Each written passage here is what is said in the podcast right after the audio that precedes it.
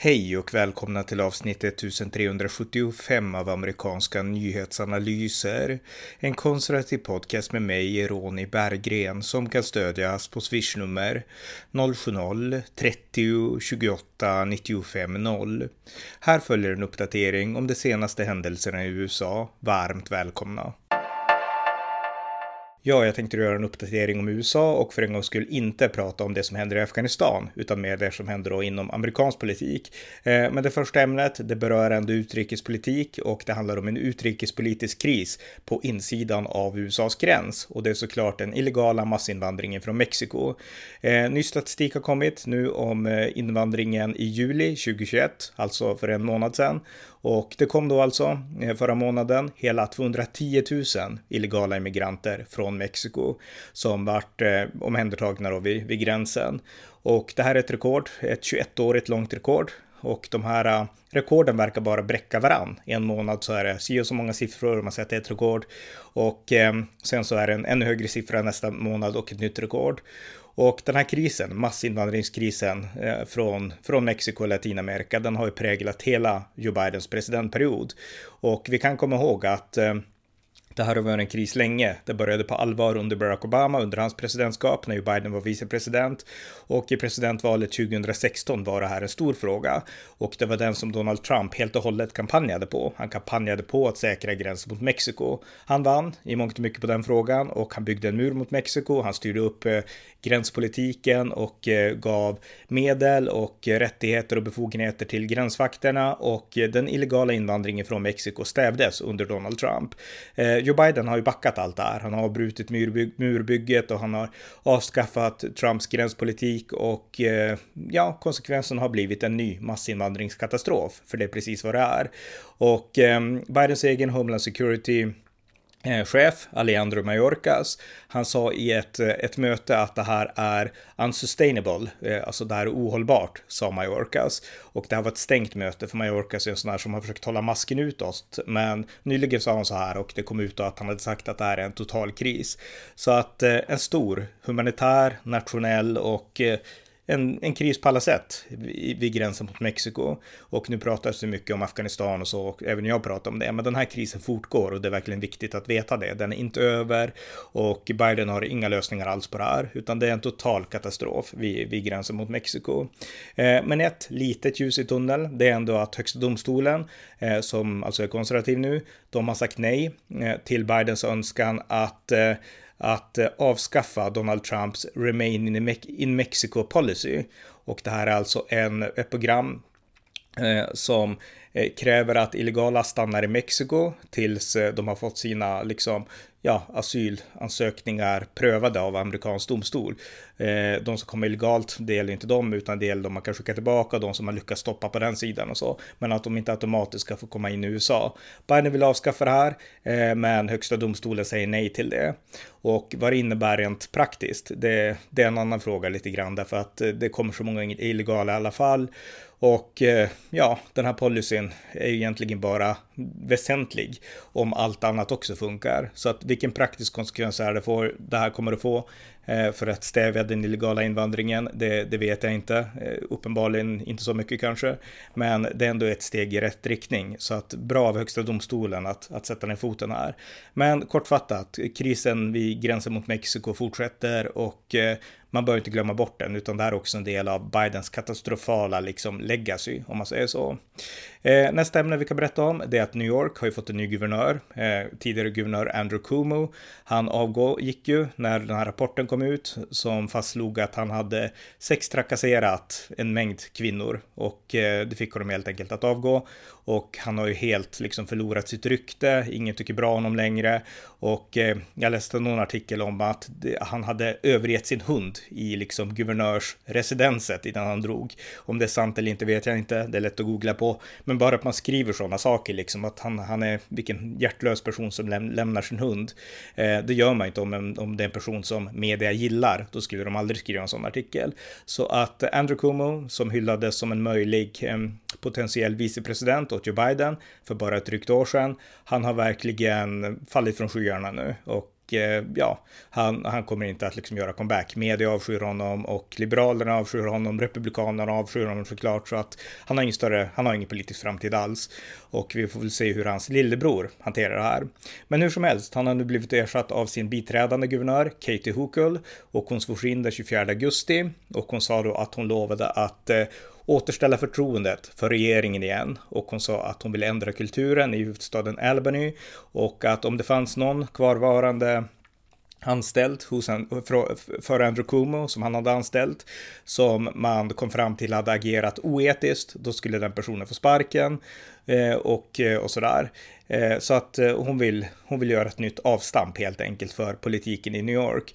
Och hon är också New Yorks då första kvinnliga guvernör. Det har man gjort en ganska stor sak av och hon är den nionde just nu kvinnliga guvernören i USA. Så att ja, Katie Hochul har blivit historisk helt enkelt. Sen vill hon också vara lite moderat. Det här är ju en demokrat, men hon är. Hon kommer från norra, norra New York och det är mycket mer konservativt än New York City. Det är ju landsbygd och liksom eh, bönder och jordbruk och liksom eh, boskapsägare och sånt som, som bor där uppe och de är konservativa på ett sätt som man inte tänker att New York ens kan vara. Därför man tänker alltid bara på New York City. Så att hon är mer konservativ än många demokrater, vilket är intressant. Men hon har förklarat att hon vill vara moderat och hon vill kunna ena och så här. Så att eh, hon verkar ändå lovande. Och nu så skriver många att hon får ett litet free pass för att hon är kvinna och så. Men det kommer inte vara för evigt, så att vi får se hur, hur det här går. Men ett lyft i alla fall i jämförelse med Andrew Cuomo. Så att det var som hänt i New York. Eh, nästa delstat som också går ett guvernörs eh, Ehm, ja, ett möjligt guvernörsbyte till mötes, det är Kalifornien. Där har man ju den 14 september ett återkallningsval där väljarna kommer att få besvara frågan om de vill återkalla sittande guvernör Andrew Cuomo, eller förlåt, nu blandar jag ihop, Gavin Newsom såklart, eh, om de vill återkalla sittande guvernör Gavin Newsom i Kalifornien. Och eh, Eh, Eh, det, det, kom till så, det här valet helt enkelt, att eh, 12 procent av de som röstade förra guvernörsvalet, de skrev på en lista som ville att ett återkallningsval skulle ske. Det är ju så här att det finns 20 delstater i USA som tillåter återkallningsval och i Kalifornien är det så att om 12 procent av de som röstade i förra guvernörsvalet eh, vill att man ska rösta igen om att avsätta den guvernör man tidigare röstade på, då blir det så. Och det innebar i praktiken att det behövdes 1,5 miljoner namnskrifter för att få till stånd ett återkallningsval av Gavin Newsom och det kom in 1,7 miljoner. Så att det var det som gjorde att det här, äh, den här snöbollen sattes i rullning. Så att återkallningsvalet hålls den 14 september och då ställs en fråga. Vill du att Gavin Newsom ska återkallas? Om över 50 procent svarar ja på den frågan, då får man besvara Eh, eller då får man skriva in vem man vill ska eh, ska eller kryssa vem man vill ska ersätta honom. Och där finns det då ett antal eh, kandidater, dels ganska många republikaner. Den mest kände och den mest potentiella är den svarta radioprataren, konservativa radioprataren Larry Elder. Eh, han toppar nog listan på den som skulle kunna ersätta Gavin Newsom. Och eh, det finns också republikanen John Cox som är en affärsman och som varit mest känd för att han använde en levande björn på ett kampanjevent för några år sedan. Eh, sen finns det också eh, en annan republikan, Kevin Faulconer, som tidigare var borgmästare i San Diego, trots att han är republikan då. Eh, han ställer också upp och det här är liksom republikanerna som skulle kunna ha en chans att, att ersätta Gavin Newsom, vilket vore historiskt därför att eh, Eh, Kalifornien är ju en urdemokratisk delstat. Arnold Schwarzenegger, han var guvernör där på tidigt 2000-tal, men han var den senaste republikanska guvernören och inom honom tror jag faktiskt att vi får backa så långt som till Ronald Reagan eh, för att se en republikansk guvernör i Kalifornien. Men eh, Kalifornien är ju superdemokratiskt så att eh, det vore historiskt att, att någon av de här vann. Men det här gör det enklare för dem av den enkla anledningen att det räcker med att väljarna petar Gavin Newsom. Eh, för Demokraterna har inte gjort så mycket för att få ett alternativ. De vill bara att väljarna ska liksom ja, se till att Gavin Newsom hålls kvar, konstigt nog då. Men det här är de stora republikanerna. Sen har vi också Caitlyn Jenner eh, som har eh, sagt att hon, eh, ja, hon ställer också upp i det här valet då, men hennes chanser är inte lika stora som till exempel Larry Elder skulle jag säga då, men hon är ändå väldigt känd och så, bör, bör sägas. Eh, det finns också en demokrat som har eh, kommit upp en hel del och det är youtubern Kevin eh, Paffrat heter han. Eh, jag har inte följt honom så mycket därför jag stakar mig på hans namn. Men youtubern, youtubern Kevin Patraff och eh, han ser sig som en, han är demokrat, men han ser sig som en praktisk person som vill lösa sakliga problem. Och eh, Gavin Newsom, han har ju fått kritik då, den sittande guvernören, främst för att han, han har hanterat coronakrisen uruselt.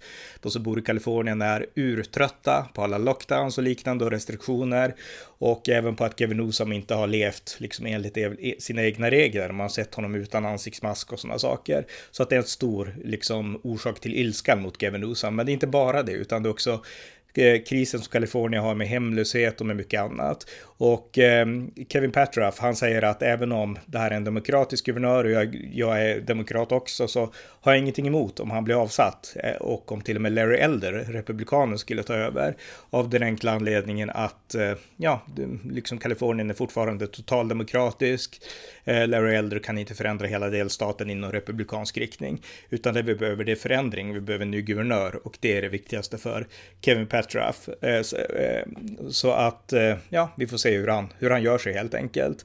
Och eh, många av de här, de har fått problem, främst Larry Elder, i domstolar, eller i, i liksom rättsprocessen ska jag säga snarare. Därför att Californias eh, Secretary of State, hon försökte förhindra eh, Larry Elder från att få vara med på valsedlarna. Och det vart en rättsprocess. Men han vann där så att han får ju vara med nu. Så att skulle Gavin Newsom bli avsatt så har Larry Elder en, en, stor chans att, att faktiskt bli guvernör. Och det vore ju historiskt. En svart guvernör, en konservativ guvernör och en radiopratare.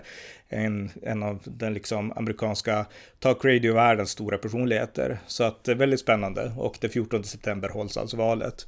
Eh, en annan sak som kan sägas gällande covid, det är att en man i Texas, han har dött i covid och det gör ju många. Men den här personen, han eh, som heter Caleb, eh, Caleb Wallace. Han dog i lördags. Han var också känd för att ha bedrivit liksom stora protester mot eh, covid-restriktionerna. Och när han själv fick covid så då ville han först inte åka till sjukhus utan han ville liksom ta olika vitaminer och liknande och så att han skulle klara sig på det sättet. Det gjorde han inte utan han fick åka till intensivvården och han dog sen. Eh, hans fru skriver att, eh, att det här var en fantastisk man, han älskade sina barn, han älskade mig och så vidare. Och hon skriver väldigt mycket att många önskade att han skulle dö för att han var emot liksom eh, ja, covid-restriktioner och liknande och att han inte vill liksom ta emot riktigt ja, hjälp i tidigt skede och så. Men hennes inlägg visar verkligen att det gäller att ha respekt för människor. Jag menar, jag personligen tror att vaccin är jättebra och eh, att vissa restriktioner har behövts och så. Eh, inte så här drakoniska som i USA, men, men liksom eh, jag står på vaccinsidan så att säga. Men man måste respektera människor, det är viktigt och eh, oavsett vilken politisk åsikt man har så kan man ändå vara en bra person och det är det som hon uttrycker så bra i det här liksom Facebook-inlägget, hans, hans eh, änka då helt enkelt. Men lite om det. Eh, en annan sak som också är i amerikansk media mycket just nu, det är orkanen Ida. en kategori, kategori 4 orkan Eh, som drar in över framförallt Louisiana. Och Louisiana är ju väldigt drabbat av orkaner och den här orkanen då, Ida, det är den största orkanen sedan orkanen Katrina eh, 2005 och den, den drar in just nu i skrivande stund. Det är typ en nedstängning av, eh, eh ja, av Louisiana och New Orleans och de här städerna. Och eh, man kan se filmklipp just nu i, när jag pratar så, som visar hur, hur liksom det stormar i städerna och hur hustak blåser bort och så vidare. Så att eh, en stor orkan i Louisiana och hela USA är beredd på att sätta in insatser här då. Men den drabbar ju inte hela landet utan det verkar mest vara Louisiana och lite kanske Alabama och någon delstat där, men allra främst Louisiana. Så att eh, vi får väl se om några dagar hur det här äh, slutade helt enkelt. Men den största orkanen i Louisiana sedan Katrina 2005. Eh, en annan sak som kan nämnas det är ju att Israel fick nyligen en ny premiärminister. Naftali Bennett eh, ersatte Benjamin Netanyahu och eh, Naftali Bennett har nu besökt Vita huset och träffat då president Joe Biden. Och eh, på det här äh, i det här mötet så hade Neftali Bennett ett antal olika mål. Det första det var att liksom visa att relationen mellan USA och Israel fortgår och det var också ett, ett mål som Joe Biden ville visa upp då. Det här är två nya administrationer. Biden tar över efter Trump och eh, Neftali Bennett har tagit över efter Netanyahu och de ville visa att liksom relationen mellan Israel och USA är bergfast och det gjorde de då genom att säga det på sin presskonferens och det finns inget som gör att man heller behöver betvivla det. Eh, Naftali Bennets andra mål, det var att få ja, tillstånd en miljard dollar i stöd för eh, Israels Iron Dome, alltså det här missilförsvaret som skjuter ner raketer från Hamas och liknande. Och eh, det sa Biden-administrationen ja till. De har stött Iron Dome i tid och evighet och Joe Biden är en Israelvän. Det är viktigt att betona det. Eh, oavsett hur han ibland knövlar, till det i politik så han stöder Israel i grund och botten. Det är Joe Biden. Inget snack om den saken. Han har pratat i många år på APAC och liknande och eh, att han skulle vara för det här, det var, ja, det rådde inga, inget snack om det. Kongressen måste, också godkänna det här stödet, men det finns ingenting som tyder på att de inte kommer göra det. Eh, nästa mål som, eh, som Neftali Bennett önskade få, få igång, det var ett eh, det här Visa rese, Visa-programmet, eh, visumprogrammet mellan USA och Israel som skulle kunna göra att israeler och amerikaner skulle kunna besöka respektive länder utan att ha visum. Och eh, det här har inte gått eh, av många olika orsaker eh, under åren. Dels så har Israel blockat amerikanska palestinier från att komma in, mm, av förståeliga skäl. Men USA har också blockat israeler i viss mån. Så att här råder det fortfarande en konflikt. Bennett hoppades ju att det skulle gå, men ja, vi får se om, om det kommer att bli så. Men den stora tvistefrågan är egentligen, det är ju synen på Iran. Eh, Joe Biden, han har varit hård med att eh, han var emot Donald Trumps aktioner mot Iran och han vill återvända till det avtal med Iran som slöts när han var vicepresident under Barack Obama, Iranavtalet då. Och eh, Naftali Bennett, han är ju eh, Ja, han är ju ändå allierad med Benjamin Netanyahu trots att de är personliga rivaler och han har en mer hård linje mot Iran och eh, även om båda länderna, USA och Israel, är överens om att Iran ska aldrig tillåtas få ett kärnvapen, vilket Joe Biden sa, så har man olika syn på det här. Joe Biden tror att man kan muta Iran och att man kan liksom smickra Iran och att man kan liksom ja, försöka gulla in i Iran att inte skaffa ett kärnvapen, ungefär som det avtalet var. Eh, och, eh, och sådär, att man kan liksom, ja, man kan hålla liksom pli på dem genom att ha noggranna övervakning och sånt. Medan Naftali Bennett och eh, ja, Likud och eh, stora delar av den israeliska högern, men även den israeliska vänstern, de är mycket mer skeptiska till Iran än vad USA är och vad Biden-administrationen är. Så att det var väl den stora frågan. Lyckades man med någonting mer än att bara säga att vi vill inte att Iran ska få ett kärnvapen? Det är inte säkert, utan allt tyder på att Joe Biden kommer att slå in på en liten annan väg nu än vad, vad fallet var tidigare. Så att det är väl den stora tvistefrågan här. Men övergripande var det ändå ett bra besök och det var viktigt för de här två att visa att USA och Israel är fortfarande goda vänner och starka allierade oavsett om båda länderna har bytt administrationer.